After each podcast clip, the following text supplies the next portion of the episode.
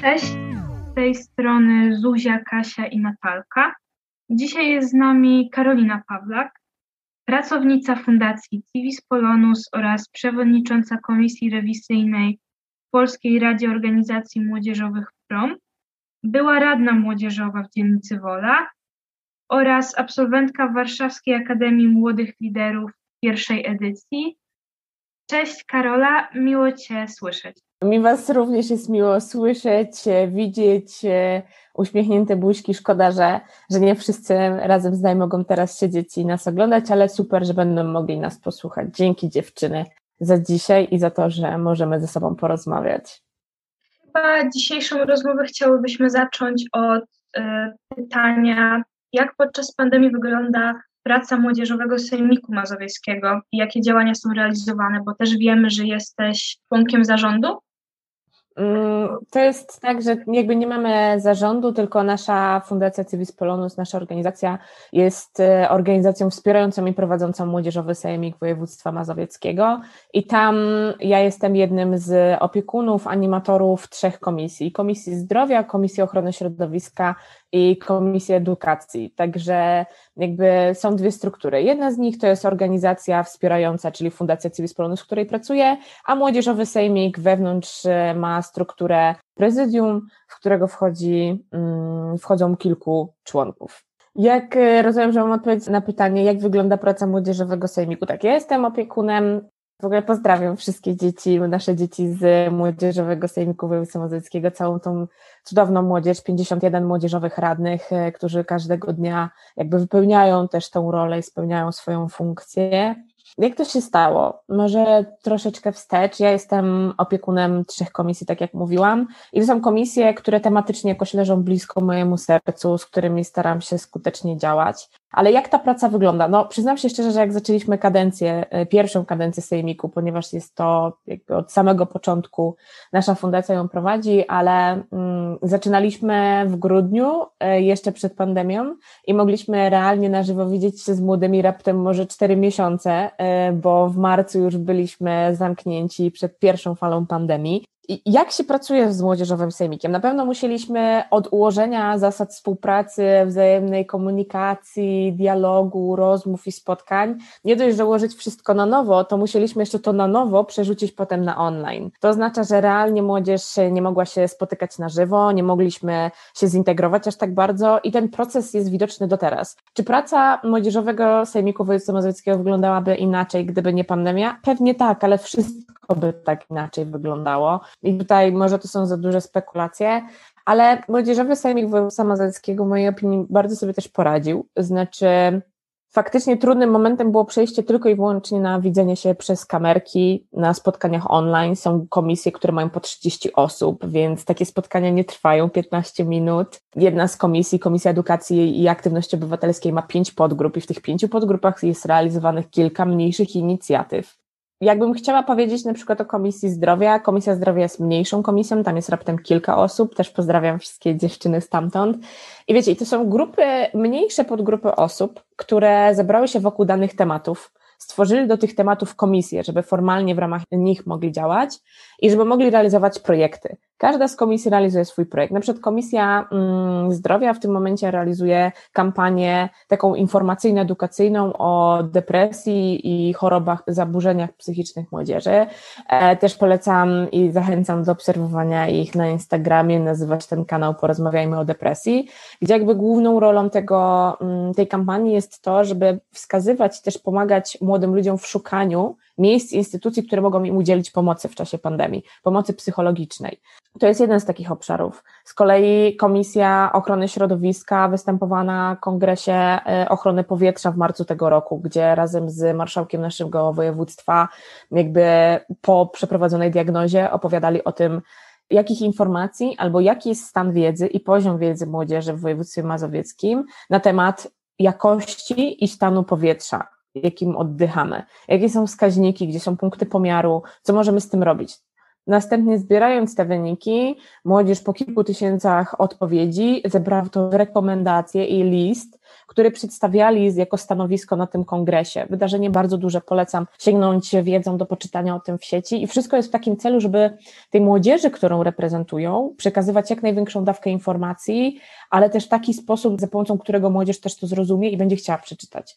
Bo to jest jednak 51 um, młodzieżowych liderów i liderek społeczności, którzy reprezentują młodzież z danego regionu to jest jakby pełnienie takiej funkcji dosyć dużego zaufania, bym powiedziała, i tego, że mm, niezależnie od tego, czy to jest pandemia, czy jesteśmy, jakby możemy się spotykać na żywo, czy jakby nawet jakby nie było COVID-u na świecie, no to nie można przestać działać dla drugiego człowieka. To jest e, tak, że młodzi ludzie nas do tego oddelegowali, zaprosili i pełnimy tą rolę, pełnimy ten mandat. Więc jeżeli zdarzają się takie przypadki, i to też jest w porządku, też warto to podkreślić, że dany młodzieżowy radny lub radna nie odnajduje się w przestrzeni online lub za ciężko jest jej pracować, bo to też jest, tak się też zdarza, no to jasno, spotkaliśmy się może z jedną lub dwoma rezygnacjami, ale raczej w takim celu nie zabierania miejsc innym młodzieżowym liderom społeczności, żeby oni mogli zacząć pełnić tą funkcję, raczej na tej zasadzie. Ale nie posypała się lawina rezygnacji, nieodnalezienia się w młodym, młodzieżowym sejmiku, tylko raczej na zasadzie takiego budowania poczucia wspólnotowości i solidarności, powiedziałabym w tą stronę. Więc to mogę powiedzieć o swoich trzech komisjach, które chyba z tego miejsca bardzo serdecznie pozdrawiam razem z ich przewodniczącymi, bo każda komisja ma e, swojego przedstawiciela w postaci przewodniczącego te działania idą bardzo, bardzo. E, ja chciałabym zapytać o to, jak wygląda e, kontakt i praca z samą młodzieżą? E, czy jest ułatwiona, czy utrudniona przez pandemię? Jak to teraz wygląda? No niestety, to zależy. Czy jest ułatwiona, czy utrudniona? W życiu nie miałam chyba takich możliwości, nawet jak pracowałam e, w Polsce i jeździłam do pięciu, czterech miejscowości w innych projektach i raz w miesiącu się widziałam z daną młodzieżową radą, to chyba nigdy nie miałam takiej możliwości, żeby na jednym spotkaniu o jednej godzinie w ciągu jednego dnia mogłam e, spotkać Trójmiasto, Południe Polski, Dolny Śląsk, Śląsk, Wschód i Zachód. To jest niesamowite, że na takim spotkaniu możemy spotkać energię i charaktery tak różnych ludzi z tak różnych części Polski. Mm, I to mi się wydaje, że jest bardzo na plus i wydaje mi się to być ogromną wartością, że przyzwyczailiśmy się do tego, że wejdźmy na online albo mamy kola, oznacza zobaczmy się z całą Polską i to jest super. W takiej pracy wydaje mi się być to też trudne, bo jednak komputer, mm, kamerka, dźwięk, który słyszymy, nie odda emocji i wrażliwości drugiego człowieka. Ja nie mogę y, przejść się po sali warsztatowej, nie mogę się przejść po pomieszczeniu, w którym normalnie bym siedziała z grupą kilkudziesięciu osób i poczuć ich emocje, poczuć ich wrażenia. Mm, dlatego dla mnie tak ważne w mojej pracy jest to, żeby przynajmniej widzieć kogoś przez kamerkę, mm, bo nie wyobrażałabym sobie mówienia do czarnego prostokącika bądź kwadratu. Jest to dla mnie za trudne. Mm, I wydaje mi się, że jest też trudne na różnych aspektach. Ja sobie w marcu postawiłam takie wyzwanie. Nie mogę pojechać do tych społeczności, bo sama jestem dla nich zagrożeniem, poprzez to, że mogę ich zarazić, a tego bym nie chciała najbardziej. Ale jedną taką ważną rzeczą było to, żeby zrozumieć, że to może być dla nas wszystkich rozwijające i żeby wyjść z takiego dołka, że nie wiemy, jak mamy się odnaleźć w przestrzeni online'owej, wyjść pod górkę i zrozumieć, że na tym szczycie może być naprawdę w porządku. Pracuje się też trudno, ponieważ młodzież zmaga się z różnymi problemami. Jednak moją diagnozą tego, że ja każdego dnia spotykam się na online z młodzieżowymi radami, młodzieżowymi liderkami, bo to też nie tylko muszą być młodzieżowi radni, ale też liderzy społeczności, opiekunowie, młodzieżowi, jakby już nawet nie młodzieżowi, tylko radni danych miast, to jednak otaczające ich problemy mają ogromny wpływ to też jest czasami trudne w roli takiego animatora, mentora, trenera, mm, odbieranie emocji przez kamerkę. Nieraz mi się zdarzają takie spotkania, gdzie ktoś po prostu musi popłakać albo po prostu musi powiedzieć, że jest mu za ciężko i ja nie mogę wyciągnąć z niego ręki, nie mogę go dotknąć przez ekran, nie mogę go przytulić, nie mogę zniwelować tej granicy, mogę wtedy tylko siedzieć i słuchać. I wydaje mi się, że jeszcze trudniejsze w, tym, w tych czasach i w takiej pracy z młodzieżą kluczowe jest słuchanie i wzajemne wspieranie, rozumienie tego, co druga osoba chce nam powiedzieć przez kamerkę. Zobaczcie nawet na naszym przykładzie dziewczyny. My się mogłyśmy zobaczyć, jesteśmy tutaj teraz przez kamerki i się widzimy. Ja w jakiś sposób mogę odczytać, co, co chcecie mi powiedzieć, ale nie z każdym tak jest. Naprawdę nie z każdym. Szereg osób i całe grono osób ma ogromne problemy psychiczne. Ta tematyka wyjątkowo jakby pracując z młodzieżą w Polsce i to jak młodzież albo zaczyna być wycofana, albo nie wie, jak się odnaleźć w tej przestrzeni, albo nie potrafi się w niej odnaleźć, albo po prostu stanęła w miejscu i nie potrafi z tego wyjść, a przecież na co dzień była z grupą ludzi, zmieniała spo społeczność, nie wie, co ma w tym momencie zrobić. Naprawdę nie wie. I to są takie momenty, że dotarcie realnie do tych osób i dawanie im wsparcia nie dość, że jest trudne, bo trzeba to zrobić online, to trzeba jeszcze poznać się z tą osobą i trzeba wzajemnie zbudować relacje. To naprawdę jest trudniejsze, moim zdaniem, niż pójście na salę, e, zorganizowanie spotkania e, i odczuwanie, odbieranie tych emocji i wrażeń tych osób, które są dookoła nas. Oczywiście możemy powiedzieć, że spotkanie przygotowywane w przestrzeni online jest łatwiejszą rzeczą do zrobienia. Ja już dochodzę do takiego momentu, że chciałabym powiedzieć, no niekoniecznie. Powiedziałabym, że dla mnie to już jest na równi. Pojechanie do danego miasta albo współpracowanie z danym miastem, zorganizowanie tam spotkania, wydaje mi się być już w tym momencie po no, ponad roku pracy zdalnej, być tak samo trudne jak zorganizowanie w przestrzeni online. Ale to, co chcę powiedzieć teraz do każdego młodego człowieka, każdej młodej liderki, lidera społeczności miast, że lepiej już jest na pójść na każdy online, nawet online, który w jakikolwiek sposób cię zaangażuje i włączy, niż przeleżenie tego okresu, okresu na kanapie albo siedzenie tylko i wyłącznie przed telewizorem czy wśród gier. Może na którymś spotkaniu się zainspirujesz, na którymś spotkaniu pójdziesz dalej na którymś spotkaniu zaczniesz budować społeczność. Świetnym przykładem pracy z młodzieżą i tego, jak teraz wygląda praca z młodzieżą, jest to, że w fundacji organizuje 15, 16, 17 spotkanie już online i to już jest grupa ludzi, którzy najpierw się zobaczyli w kwietniu zeszłego roku i powiedzieli o cześć i tyle, i nikt się tam nie znał nawzajem. A to jest grupa już teraz kilkudziesięciu osób i to jest niesamowite. Tylko, że ten proces trwał rok, ponad rok. Ci ludzie się realnie też nie widzą między sobą, mm, nie znają się na żywo, poznali się tylko w przestrzeni online'owej. Więc praca z młodzieżą e, w przestrzeni online'owej, tak jak mówiłam, to zależy. Naprawdę to zależy, w jaką stronę chcemy to wykorzystać i jak bardzo dużo mamy też do tego cierpliwości i siły bo wygląda to zupełnie inaczej. Można to wykorzystać jako ogromną szansę dotarcia do młodzieży, do odbierania ich jakichkolwiek emocji przez kamerkę albo chociaż widzenia, jak się czują i porozmawiania, bo nie musimy realnie przyjeżdżać kilkuset kilometrów, żeby tam być, tylko wystarczy, że zaprosimy ich na jedno spotkanie. Ale z drugiej strony nic nie zwróci nam czucia, tu mówię kolokwialnie w nawiasie, czucia tego drugiego człowieka, tego jak on się czuje, z kim by nawiązał relację w grupie. Nie da nam tego ekran. Naprawdę nie da. Wbrew pozorom powiedziałabym, nawiązywanie relacji w sieci poprzez spotkania online lub rozmawianie są na kamerkach, na FaceTime, za pomocą wszystkich możliwych komunikatorów, moim zdaniem, chyba po roku odważę się tego powiedzieć, nie jest aż tak trudne.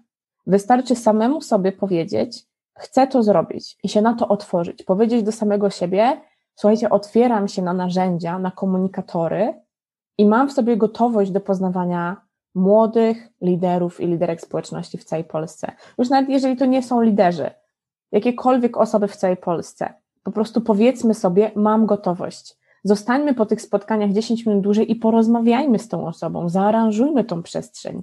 To nie jest tak, że my teraz, wiecie, otworzy się wszystko, będziemy mogli wychodzić, otworzą się restauracje i my z tym skończymy. Moim zdaniem nie, to nadal będzie formuła, która w jakiś sposób się sprawdziła. Jakbym miała teraz poprosić o coś młodego człowieka, to raczej o to, żeby on sam sobie zaufał, że jest w stanie wejść na jakieś spotkanie, wejść na jakąkolwiek interakcję z drugim uczestnikiem i spróbować. To próbowanie wydaje mi się być w tym momencie najważniejsze. Ja też mam przyjaciół, których poznałam w przestrzeni online'owej i mogę śmiało powiedzieć, że to są moi przyjaciele, i nigdy bym ich nie poznała, gdyby nie to, że właśnie się wydarzyła przestrzeń online i nie, nie miałam innego sposobu. Nie mogłam pojechać na południe Polski, wynająć sobie hotelu czy zostać u kogoś na noc, bo byłam dla drugiego człowieka zagrożeniem, a nie chciałam być dla niego zagrożeniem zdrowotnym. I, I tak, i takie relacje też powstają, i faktycznie mogę być tym żywym przykładem. I wiecie, co jest cudowne w takich znajomościach? Że przyjdzie taki dzień i taki moment, że ktoś zapuka do waszych drzwi i naprawdę ta druga osoba stanie przy nich i powie: Cześć, to ja na żywo. I gwarantuję Wam, że w pierwszym momencie popłaczecie się ze szczęścia, a w drugim momencie powiecie: Wow, i absolutnie nie będziecie się bali, nie będziecie się czuli niekomfortowo.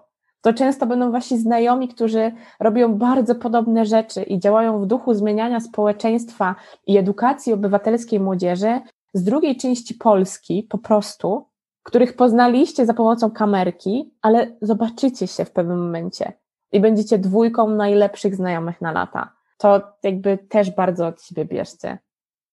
Tak jak już powiedziałaś, pandemia to jest dosyć ciężki czas. Młodzież od lat zmaga się z wieloma problemami. Te problemy nadal trwają, więc powiedz mi, czy Twoim zdaniem młodzież przez pandemię jest bardziej zmotywowana do działań, czy może ta motywacja gdzieś uciekła i, i są bardzo stłumieni tym, co się dzieje w Polsce? Przyznam się szczerze, że to jest trudne pytanie. Dla mnie, jako animatora, koordynatorki projektów, czy czy bycia też przyjaciółką mm, tych osób, to naprawdę jest trudne pytanie. Pytanie na, z poziomu motywacja i co motywuje mnie do działania jest też jednym z moich ulubionych pytań, jakie zadaję, zadaję drugiemu człowiekowi, chociażby na rozmowach rekrutacyjnych. Czy młodzie przez pandemię mają taki sam poziom motywacji lub czują się zmotywowani do działania? Powiedziałabym, że są dwie skrajności i chciałabym je teraz może chwilę omówić i uświadomić też młodzież w tym zakresie. Przede wszystkim to w pierwszej fali pandemii i w tym, co się wydarzy, wydarzyło, jakby widzieliśmy ogromny spadek pandemii. To było zaskoczenie może dla wszystkich, zwłaszcza dla młodzieży, jeżeli o niej dzisiaj rozmawiamy. Ta motywacja i chęć działania spadła do takiego poziomu minimum, bo ludzie nie widzieli w tym sensu ani celu i najpierw sami potrzebowali się odnaleźć w całej sytuacji. Priorytety były gdzie indziej, martwienie się o pracę, martwienie się o edukację zdalną, jak my sobie poradzimy, było dużo niewiadomych i wszystkie inne czynniki z boku. Ale jest też druga skrajność, z którą ja się zmagam każdego dnia, pracując z młodzieżą na praktycznie każdym spotkaniu, jest taka, że młodzi chcą za dużo, robią za dużo i potem wynikają z tego największe problemy psychiczne i może takie nie problemy, nie choroby, ale takie zawahania dobrostanu psychicznego u młodzieży. Z jednej strony mamy osoby, które nadal nie potrafią się odnaleźć lub które ten rok po prostu przespały. I tutaj mówię o tych młodych osobach, działaczach w różnych częściach Polski, mówiąc, że przestrzeń online jest nie dla nich, że nie potrafią. Cały przykład młodzieżowych rad. Bardzo duża część młodzieżowych rad stanęła w miejscu. Nie potrafią się w tym odnaleźć. Sam fakt tego, żeby młodzieżowe rady zaczęły odbywać sesje zdalnie, trwał ten proces kilka miesięcy. Okej, okay, była młodzież, która sobie wcześniej poradziła, która zainicjowała ten proces. I potem to tak troszkę efektem kuli śnieżnej poszło, że te młodzieżowe rady wzajemnie od siebie zaczęły się uczyć i jednak robić te sesje i iść do przodu. Ale ile mamy dobrych, solidnych praktyk działań młodzieżowych jak w pandemii, które wynikają z motywacji, chęci do zmiany i przeciwdziałania negatywnym skutkom pandemii, no uśmiecham się teraz szeroko do dziewczyn, bo one już to wiedzą, nie jest za dużo takich młodzieżowych rad. Wręcz policzyłabym to chyba na palcach u jednej, u dwóch rąk. A z drugiej strony, tak jak mówiłam, mamy jednak takie pomyślenie i połączenie multitaskingu, że młodzież ma albo już studia, albo jeszcze liceum, szkoły średnie, młodzieżowe rady, działalność społeczną, milion spotkań online. Chcą być wszędzie. I dochodzimy do takiego momentu, nie da się być wszędzie w przestrzeni online'owej. I chyba to było takim najważniejszym wpływem i czynnikiem, który miał znaczenie na tę motywację. Nie da się zrobić wszystkiego w jednym momencie. Czy młodzieży spadła motywacja? Trochę nie czuję się ekspertem w tej dziedzinie, ale moim zdaniem jakby czynniki, które wpływają na poziom motywacji, znacznie się zmniejszyły i na chęć do jakiejkolwiek zmiany i działania, bo jeżeli młody człowiek nie widzi w tym mm, celu, sensu, korzyści, nie zobaczy realnego efektu, bo teraz trzy czwarte tych efektów było w przestrzeni online'owej, nie offline'owej, to on w sumie nie wie, czy jest zmotywowany, to on nie wie, czy może coś zmienić, to on nie wie, czy będzie potrafił to zmienić. I w tym momencie też widzę ogromną rolę opiekunów, animatorów, mentorów, opiekunów młodzieżowych rad, osób starszych odrobinę od tych młodzieżowych liderów, które powiedzą: chodźcie, wymyślimy coś wspólnie. Chodźcie, pociągniemy na początku, pociągnę was ze sobą, żeby się zadział ten proces zmiany podejścia, żeby ta młodzież znalazła czynnik, których ich motywuje.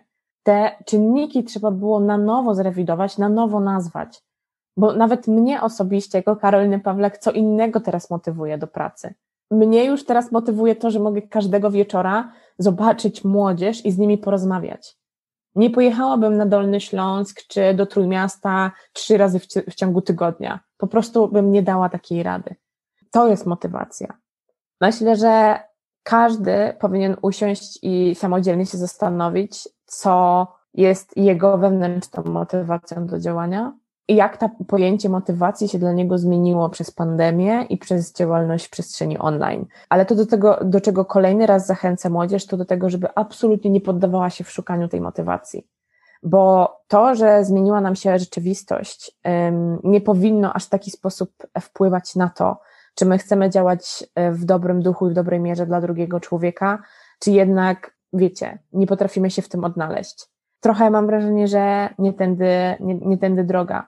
Ale mam też takie poczucie, że pracując z młodzieżą i widząc, co się wśród nich dzieje, ja mam ogromną diagnozę też tego, że młodzi ludzie jednak zmagają się z problemami psychicznymi, nie odnaleźli się też w tej przestrzeni, albo wręcz przeciwnie, odnaleźli się i ich poziom motywacji, multitaskingu i robienia y, dużej liczby rzeczy naraz był tak duży, że w pewnym momencie się odłączają od wszystkiego. To też jest ta druga skrajność.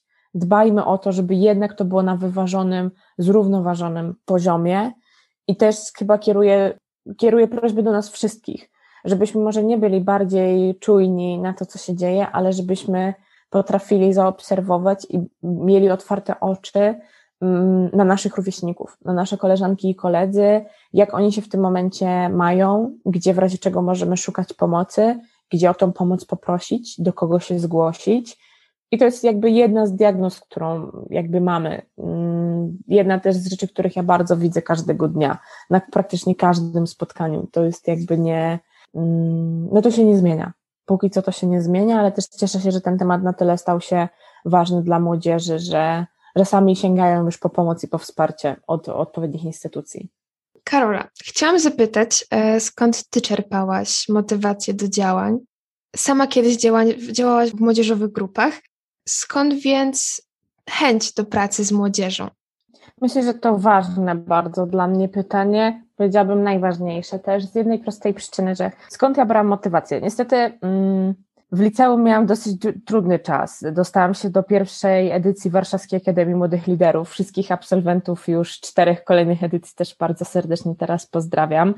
Ale miałam taki czas, że spotkałam się z ogromnym oporem decydentów, e, jakby dyrekcji, osób zarządzającym, zarządzającymi e, obiektem zarządzającymi szkołą z działalnością społeczną. Z każdej strony miałam utrudniane e, działanie w społeczeństwie, byłam przewodniczącą samorządu uczniowskiego, szkoła była dla mnie miejscem edukacji, zdobywania doświadczenia, nie tylko stopni i siedzenia na lekcjach, tylko takim, wiecie, budowania wspólnoty i tego, żeby wejść do tej szkoły zacząć ją zmieniać i żeby to było miejsce przyjazne i komfortowe do jakby spędzania tam prawie 8 godzin dziennie dla uczniów. Ja wtedy byłam w szkole, mm, skończyłam szkołę 3 lata temu i to był dla mnie taki moment, że chciałam, żeby w każdej tej szkole każdy mój znajomy, rówieśnik, rówieśniczka czuli się dobrze, po prostu w miejscu, w którym spędzają tyle czasu, żeby się czuli dobrze, a nie myśleli tylko o tym, że mm, będą siedzieli tutaj kilka lub naście godzin, i muszą mieć oceny. Absolutnie nie. Mm, ja jestem też taką osobą, która jak wchodzi do danego miejsca, do danej przestrzeni, do danego otoczenia, to chcę od razu pomagać drugiemu człowiekowi. To chcę, żeby to miejsce było y, jakby współdzielone dla wszystkich. Chcę, żeby się wszyscy absolutnie czuli mm, przywiązani do tego miejsca. Wiecie, jakby dla mnie samorząd uczniowski był najlepszym doświadczeniem, tak samo jak wolontariat, bo ja się wwodzę z wolontariatu i z właśnie samorządów uczniowskich. Motywowało mnie to, jak bardzo szeroki, nawet takie najmniejsze uśmiech, ale jak bardzo szeroki uśmiech e, widziałam na twarzach swoich kolegów, koleżanek. To było niesamowite dla mnie doświadczenie, bo ja wolałam już wziąć wszystkie możliwe niemiłe sytuacje z dyrekcją, radą pedagogiczną, nauczycielami na siebie, po to, żeby moi rówieśnicy i koleżanki ze szkoły, mm, kolokwialnie mówiąc, nie obrywali za to, co ja robiłam. Wiecie, dla mnie teraz wydaje się to być mniejsza rzecz, ale to na pewno było trudne. Ja złożyłam wniosek o dofinansowanie, dostałam mały grant i urządziliśmy z spokojem z samorządem cały pokój dla samorządu uczniowskiego. Miejsce, gdzie mogliśmy się spotykać ze sobą, pracować i wymyślać nowe projekty w szkole. Nigdy nie usłyszałam też takiego całego wątku, żeby ktoś z tej szkoły był ze mnie też dumny raczej to było bardzo przemocowe i niemiło odbierane przez niektórych nauczycieli, a z drugiej strony miałam wrażenie, że kłócę ze sobą grona pedagogiczne, co absolutnie nie było moim celem, bo jedni mówili, ta dziewczyna się świetnie uczy, zmienia naszą szkołę, jest na plus, ale z drugiej strony miałam takie poczucie, że połowa nauczycieli to w sumie to się mnie bała, jakbym nie wiadomo, co chciała zrobić. A ja chciałam po prostu, nie wiem, postawić kanapę na korytarzu, albo postawić e, stojak z wodą, albo podłączyć kranówkę, bo w Warszawie możemy ją pić. I to było takie, wiecie, że chciałam po prostu pomóc w takim życiu w szkole. I to było dla mnie trudne bardzo doświadczenie, ale zawsze motywowali mnie ludzie. I tu nie będę odkrywcza i twórcza emocje, wrażenia i rozwój drugiego człowieka, to jest chyba dla mnie najbardziej motywujące i to napędza mnie do takiego działania. Też mam świadomość tego, że ja dostałam ogrom wsparcia e, w liceum, mm, zresztą też w gimnazjum w Grodzisku. E, też pozdrawiam wszystkich e, swoich znajomych i nauczycieli z Grodziskiego Gimnazjum, z dwójki. Zawsze miałam to wsparcie. Ja zawsze mm, mogłam się zwrócić o pomoc i też widzę, że nie każdy ma taką możliwość. Nie każda młoda osoba może się zwrócić do nauczyciela z prośbą o pomoc, może się zwrócić do rodzica z prośbą o pomoc. Nie każdy rodzic um, chce, żeby w tak młodym wieku i nie wyrażam to zgody, żeby w tak młodym wieku osoby angażowały się społecznie, brały udział w działaniach młodzieżowej rady, czy żeby zmieniali społeczność, bo Czasami może dojść do skrajności, że uczniowie jakby zawalają przez to szkołę albo sobie w niej po prostu nie radzą, ale to są już jakieś skrajne i pojedyncze przypadki.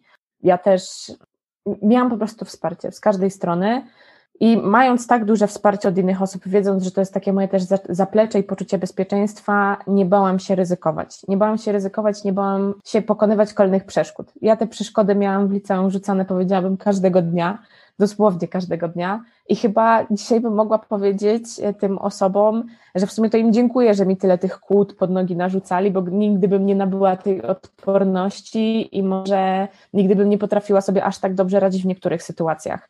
Ale właśnie to jest coś, e, za co jestem też wdzięczna wszystkim osobom, które były dookoła mnie, bo to w takich trudnych momentach ta grupa dawała mi siłę. Samorząd liczył kilkadziesiąt osób.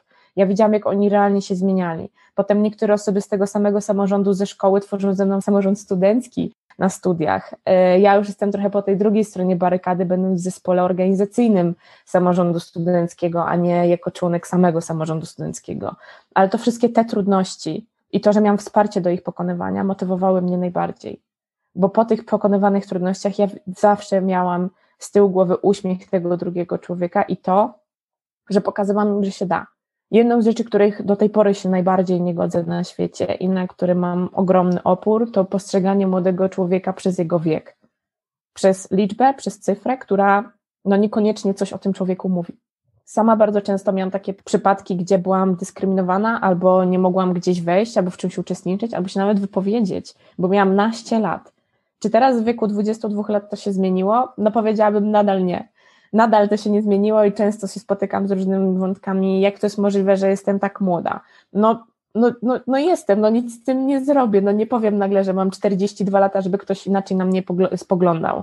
Nie zmienię tego. Jestem jaka jestem, każdy z nas jest taki, więc to był też jeden z głównych aspektów, dlaczego ja bardzo mm, walczyłam, bardzo chciałam wspierać młodzież. To nie ma większego znaczenia. Ile masz lat? Bo w każdym momencie może zacząć zmieniać swoją otaczającą rzeczywistość po to, żeby się żyło drugiemu człowiekowi lepiej, żeby zmieniać szkołę, do której chodzisz, żeby zmieniać liceum, do którego chodzisz, czy żeby być głosem reprezentującym cię na uczelni, w której potem jesteś studentem, żeby realnie wpływać na to, co się dzieje w naszych, w naszych miastach, że jeżeli widzę, że młodzież ma problemy psychiczne, to mogę pójść jak reprezentant tej młodzieży i porozmawiać z dorosłym, burmistrzem, nie wiem, wójtem, sołtysem, panem, panią prezydent i powiedzieć: Widzę to, zróbmy coś razem. Czy jest jakieś rozwiązanie w tej sytuacji?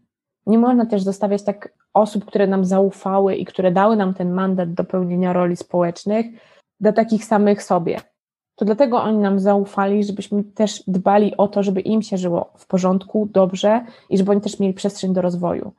Ogromną motywacją jest, wiecie, patrzenie na to, że czasami nie ma tego uśmiechu na twarzy drugiego człowieka. Czasami są trudne momenty, ale zawsze jest taki wątek, który u mnie trwa do dnia dzisiejszego, że po jakimś czasie każda z tych osób wraca i każda z tych osób się czegokolwiek nauczyła. Ja też się nauczyłam jednej rzeczy, że niezależnie ile zorganizuję warsztatów, spotkań, ile młodzieżowych rad w Polsce zainicjuję do powstania, ile razy do nich pojadę, to nie wskaźnikiem dla mnie do satysfakcji, do sukcesu będzie to, ile oni się nauczyli i ile to było osób.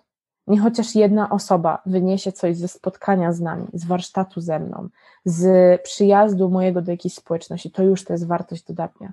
Bo normalnie nie mieliby szansy jakkolwiek chociaż się zastanowić nad swoim rozwojem.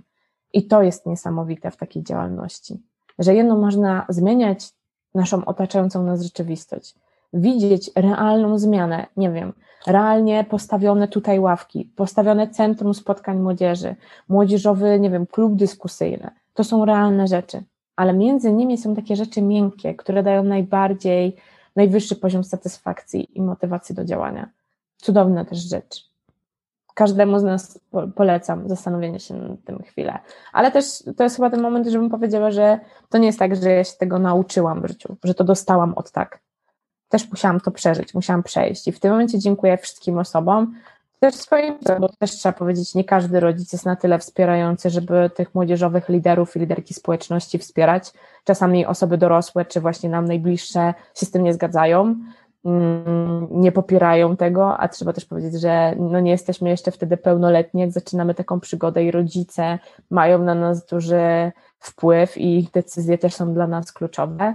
Więc tutaj mówię jedno wielkie dziękuję do tych wszystkich osób, które mnie nie blokowały, a wspierały. Wspierały w tym, żeby pokonywać przeszkody osób, które jednak mnie rzucały pod e, nogi. Tak się nabrało całe moje doświadczenie i to, że chciałam pracować z młodzieżą, żeby poczuła, że można. Naprawdę można. I powiedzenie, że nie da się czegoś zrobić, nie istnieje w słowniku na pewno moim i na, mam nadzieję, że nie osób, z którymi współpracuję że nie ma tego określenia niemożliwe. Naprawdę, to jest kwestia poszukania i zastanowienia się nad rozwiązaniami, nad chęciami do rzeczy, które chcemy zrobić.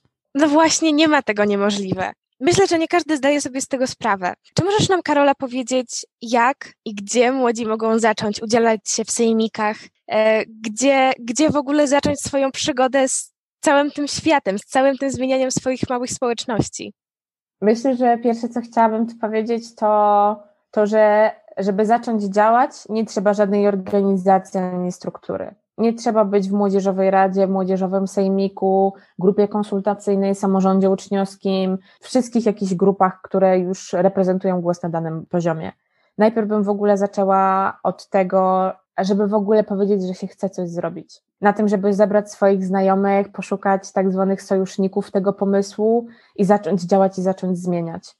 Oczywiście super jest, jeżeli możemy dołączyć do danych grup, ale trzeba też powiedzieć wprost, nie każda młodzieżowa rada, nie każda miejscowość w Polsce ma swoją młodzieżową radę. Nie każda y, społeczność może być reprezentowana przez organ, taki jak młodzieżowe grupy konsultacyjne, młodzieżowe rady, młodzieżowe sejmiki. Nie mamy młodzieżowych sejmików w każdym województwie. Mm, więc ja pierwsze, co zaczynam mówić, to zbierzmy sojuszników swojego pomysłu. Rozejrzyjmy się dookoła siebie i zobaczmy, gdzie widzimy problem, niedociągnięcie, czegoś nam brakuje. To jest Was wyjątkowe, w młodych ludziach to jest wyjątkowe. Nikt tak bardzo jak Wy nie zna Waszych własnych potrzeb. Nawet ja, będąc od Was odrobinę starsza, już teraz miałabym problem z powiedzenia, powiedzeniem tego, jaki jest Twój, Kasiu, Zuziu i Natalko, problem w społeczności do rozwiązania. To jest Was niesamowite, że nikt tak dobrze nie określi własnych potrzeb jak Wy. I rozejrzyjmy się, wyjdźmy na ulicę, Zobaczmy. To nie musi być wielka rzecz.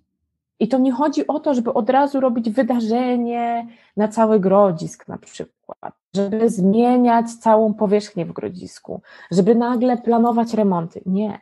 To chodzi o zrobienie jednej małej rzeczy, po której wy poczujecie taką iskierkę do działania i motywację do działania, że nie będziecie chcieli przestać. Ja swoją przygodę z taką działalnością dla drugiego człowieka zaczęłam e, w podstawówce i to jest dosyć zabawne. Ja do każdego, w każdym momencie to jakby opowiadam. Mm, samorząd uczniowski i kampania wyborcza, jak wiecie, kampania dla mnie to było coś wielkiego wtedy, ale to było po prostu informowanie naszych koleżanek i kolegów w szkole o tym, że ktoś chce kandydować do samorządu uczniowskiego, że chce być przewodniczącym naszej szkoły. No, dla mnie to było coś ogromnego. Słuchajcie, zawsze jak wracam do grodziska, e, staram się to robić regularnie, to zawsze mówię do Przemka, Przemek, gdyby nie to, że on chciał zorganizować kampanię wyborczą i być przewodniczącym naszej szkoły w dwójce, to ja bym w życiu nie poczuła tej iskierki, bo bym nie wiedziała, że można. I to się zaczyna od tego, że wiecie, że ja po prostu rozwieszałam plakaty w szkole. To była mała rzecz, ale niosąca zmianę, dawaj, dawająca nam efekt. I to było niesamowite. I jak poczułam taki pierwiastek, jeju, coś zrobiłam, a to dało efekt, do którego tak bardzo dążyłam, to idźmy dalej. Potem współorganizowanie balu gimnazjalnego w gimnazjum, włączanie rodziców i uczniów, włączanie starszych roczników, młodszych roczników. To już było coś wyżej. A potem, jak ta cała karuzela się zaczęła kręcić, to trudno przestać i mi trudno przestać do dnia dzisiejszego. Mm, ale wracając do tego, jak zacząć, zacznijmy od małej rzeczy. Zbierzmy wokół tego sojuszników, osoby, które poprą nas w tym, co robimy, które widzą w tym jakąś ideę. Widzenie idei i celowości jest najważniejsze. Nie ma, powiedziałabym, słabiej realizowanych inicjatyw niż na, psy, na przymus, niż powiedzenia zrób to, bo mi na tym zależy. To jest to porównanie cegiełki odpowiedzialności i cegiełki zależności. Jeżeli nam na czymś z całego serca zależy i my bardzo chcemy coś zrobić, to gwarantuję Wam, że bardzo duża liczba osób za tym pójdzie, a na pewno osoby, które poczują, że dla nas to jest największa i najwyższa wartość. Wystarczy pokazać, że tak, to jest dla mnie ważne.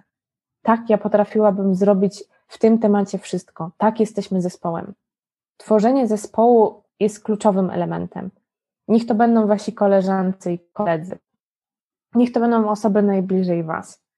I tak zróbcie taką małą pierwszą rzecz, inicjatywę. Potem zobaczycie, wow, udało się. Okej, okay, to zróbmy coś większego. I potem faktycznie, jak jest, dochodzimy do momentu, że mamy te młodzieżowe rady i mamy te młodzieżowe sejmiki, to możemy, to by była rozmowa zupełnie oddzielna na temat, czy one faktycznie spełniają swoją funkcję. To myślę, że też by było bardzo ciekawe. Ale przychodzimy do tych młodzieżowych rad, żeby już zrobić coś na poziomie całego obszaru Mm, danego miejsca zamieszkania. Przychodzimy i reprezentujemy wszystkich. Ok, to już jest trochę wyższy i ważniejszy level. To my jesteśmy tym głosem, który idzie do decydenta i mówi: Nasi koleżance i koledzy, po diagnozie, którą zrobiliśmy, wprost nam mówią, że potrzebują tego, mają trudność z tym, nie potrafią się odnaleźć w takiej, a nie takiej przestrzeni. I możemy wyjść z jakąś rekomendacją, inicjatywą zmiany, ale to bądźmy w dialogu z decydentem. I ten konstruktywny dialog między decydentem, czyli tutaj burmistrzem, a młodzieżą jest kluczowy do odnoszenia sukcesu i tego, żeby realnie po pomóc młodzieży. Bo co z tego, że wy jako młodzież wymyślicie jeden projekt i będzie adekwatny bardzo dla potrzeb młodzieży, ale nie będziecie mieli wsparcia decydenta, które czasami jest bardzo kluczowe, bo nie bez powodu to jest decydent, który ma moc sprawczą, który może realnie nanieść zmiany w grodzisku, jak już rozmawiamy o grodzisku. Ale z drugiej strony, z kolei decydent, który nie rozmawia z młodzieżą, który nie prowadzi tego dialogu, może robić i 15 kampanii, i w 15, na 15 różnych sposobów pomagać młodzieży. Ale co z tego, jeśli to będzie nieadekwatne? Jeżeli to nie jest problem młodych ludzi? Jak zacząć z młodzieżowym sejmikiem? Słuchajcie, nic prostszego. Jest rekrutacja, wypełnia się formularz, w zależności jak będzie ustawiony regulamin e, jakby wysyłania swoich kandydatur i zgłoszeń do niego, przychodzi się proces rekrutacyjny i się po prostu jest. Rekrutacja co kadencję dwuletnią może wyglądać zupełnie inaczej. Zacznijmy najpierw lokalnie, bo te lokalne rzeczy mają największe oddziaływanie na małe społeczności. Śledźmy po prostu rekrutację. Ja nie mam tu nic odkrywczego dwuletnia kadencja, kadencja się kończy w grudniu tego roku, znając życie, jesienią będą jakiekolwiek informacje, o ile będą, bo to też zależy od Urzędu Marszałkowskiego naszego województwa, czy będzie kolejna kadencja. Jeśli będzie, to na pewno takie informacje się pojawią, bo to są informacje publiczne, także na pewno. Jak zacząć z działalnością w młodzieżowych radach? Spójrzmy, zapytajmy się, czy coś takiego jest. Pytanie się jest też kluczowe. Nie ma nic złego w zadawaniu pytań. Naprawdę nic bardzo dużo młodzieżowych rad czy grup, jeżeli się nie odnalazło w pandemii, to też jest ważne, żeby po prostu na przykład tak jak u nas to się zadziało. Dołączyliście do rekrutacji do projektu i od ponad pół roku wzajemnie siebie wspieramy. Mam nadzieję, że to jakby pomogło zarówno Wam, mnie też bardzo dużo nauczyło, ale to też jest jakiś sposób. Współpracować z organizacją, która na co dzień zajmuje się współpracą z młodzieżowymi radami. To też jest jakiś sposób. Wszystko zależy od tego, czego ta młodzież potrzebuje. Zbierzmy naszych rówieśników, zbudujmy sojuszników, zbudujmy poczucie, że to jest naprawdę dla nas ważne, a reszta już pójdzie, naprawdę pójdzie. Ważne jest mówienie o tym, że młodzież może, bo małe kroczki, młodzież sobie nie zdaje sprawy, że te małe kroczki mogą dużo zmienić, że niektóre rzeczy dzieją się z przypadku, że naprawdę te nawet najmniejsze decyzje, że chcą zacząć działać, mogą pomóc im potem naprawdę, nie wiem, czy do właśnie dostaniu się do młodzieżowych rad, czy w ogóle stworzeniu czegoś takiego jak młodzieżowe rady u siebie w mieście, ale też y, po prostu w zmienianiu społeczności wokół siebie. Rozmówiłyśmy też już wcześniej, było wspomniane, że skończyłaś pierwszą edycję Warszawskiej Akademii Młodych Liderów i też byłaś y, członkiem młodzieżowych rad. Co ten udział w, w radach, w, Warszawskiej Akademii Młodych Liderów dał Ci jako osobie? Co z tego mogłaś wynieść? Faktycznie dotarłyście do takiego najbardziej e, wzbudzającego we mnie sentyment momentu w moim życiu. Tutaj e, szeroko się uśmiecham, e, to chciałam powiedzieć. To Warszawska Akademia Młodych Liderów, e, tak jestem absolwentką jej pierwszej edycji, obecnie jest prowadzona już piąta. Nauczyła mnie liderstwa i takiego może jakiegoś początku przywództwa opartego na wartościach i na tym, że zespół jest największą wartością, jaki mam, jaki mam dookoła siebie. I że niezależnie jakie są to moje wartości, to takimi wartościami będę zarządzać. Co mi udział w tym projekcie dał? Dał mi e, przede wszystkim masę moich przyjaciół, których pozdrawiam. To są osoby, które poznałam bezpośrednio na, e, w tym projekcie, z którymi przyjaźnię się do dnia dzisiejszego. Niesamowite um, uczucie, naprawdę niesamowite. Przychodzi się do miejsca pierwszej edycji, dziewięciomiesięczny proces i poznaje się tych ludzi. Naprawdę trzeba mieć gotowość do dawania aż tyle od siebie. To, to jest cudowne w tym projekcie, ale ja skończyłam Warszawską Akademię Młodych Liderów. Też, jak wiecie, ja nie mam aż tak łatwiego charakteru. Też jestem um, czasami trudna. Um, jestem też e, osobą bardzo mocno pilnującą terminów, harmonogramów, ale to wy to już też doskonale wiecie ale ja też nie byłam łatwym uczestnikiem. Znaczy, że we mnie jest zawsze też dużo zgody albo niezgody na, jakie, na, na różne tematy. Zawsze też jestem albo oponentem, albo przy, jakby przychylna różnym decyzjom. Trochę też dałam popalić trenerom. Pozdrawiam Kubę, Maję, Asię Pietrasik. Bardzo. Dałam im trochę popalić, to faktycznie, ale wiecie co, przez to, że trzymałam się swoich wartości i absolutnie byłam sobą i dałam sobie przestrzeń i zaufałam sa samej sobie, że chcę być sobą w tym programie że nie będę się dostosowywać do grupy, że nie będę się podpasowywać. To też nie była taka przestrzeń, tam absolutnie każdy był sobą. Może dlatego moja obecna też szefowa, e, Janna Pietrasik, coś we mnie też zobaczyła i e, rozpoczęła się od maja nasza współpraca. W ostatni dzień matur e, zaczęłam pracować w Fundacji Civis Polonus. Uczyłam się wszystkiego od początku i to jest to ogrom wsparcia, za które jestem wdzięczna do dnia dzisiejszego ktoś mnie wziął pod swoje skrzydła i dał możliwość nauki absolutnie wszystkiego.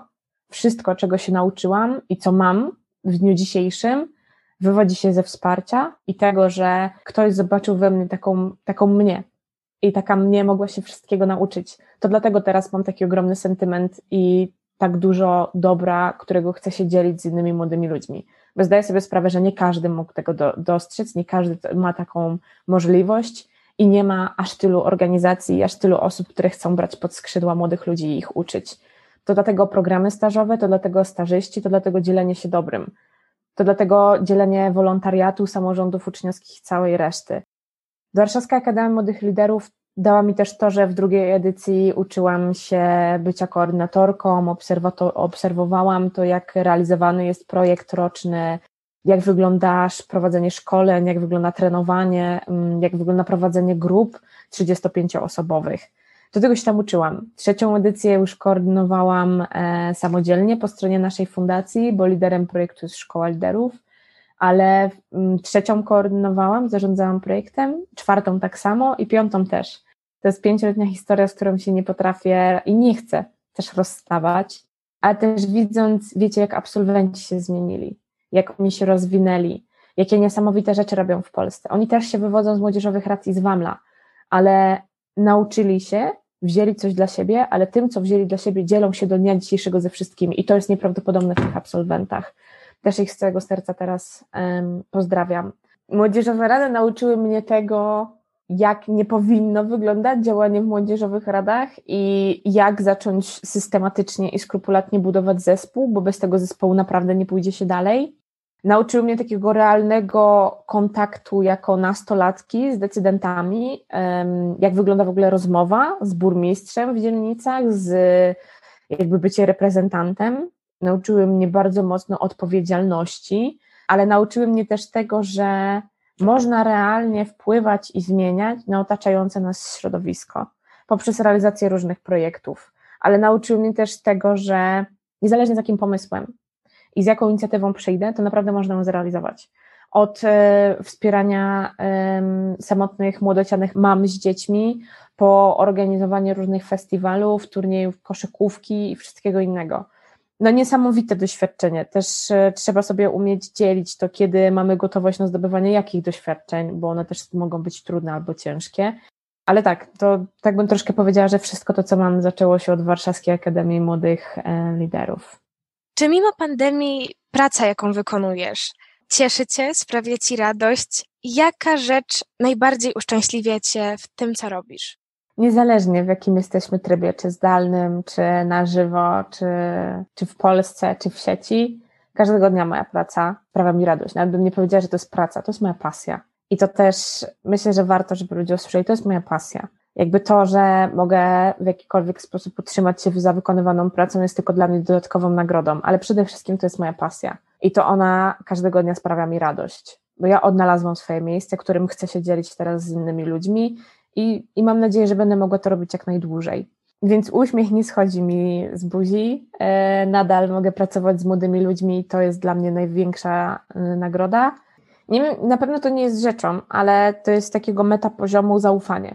Zaufanie ludzi, z którymi pracuję. Zaufanie, którym zostałam obdarzona od tak dużej liczby, od tak wielu społeczności, od tak wielu młodych ludzi od tak dużej liczby decydentów. Mm, mam wrażenie, że też bardzo długo na to pracowałam, chciałam i nadal pracuję, bo ja zawsze przed sobą najpierw postawię drugiego człowieka, a potem siebie. Więc najbardziej na świecie doceniam zaufanie i lojalność, którą nawzajem się darzymy.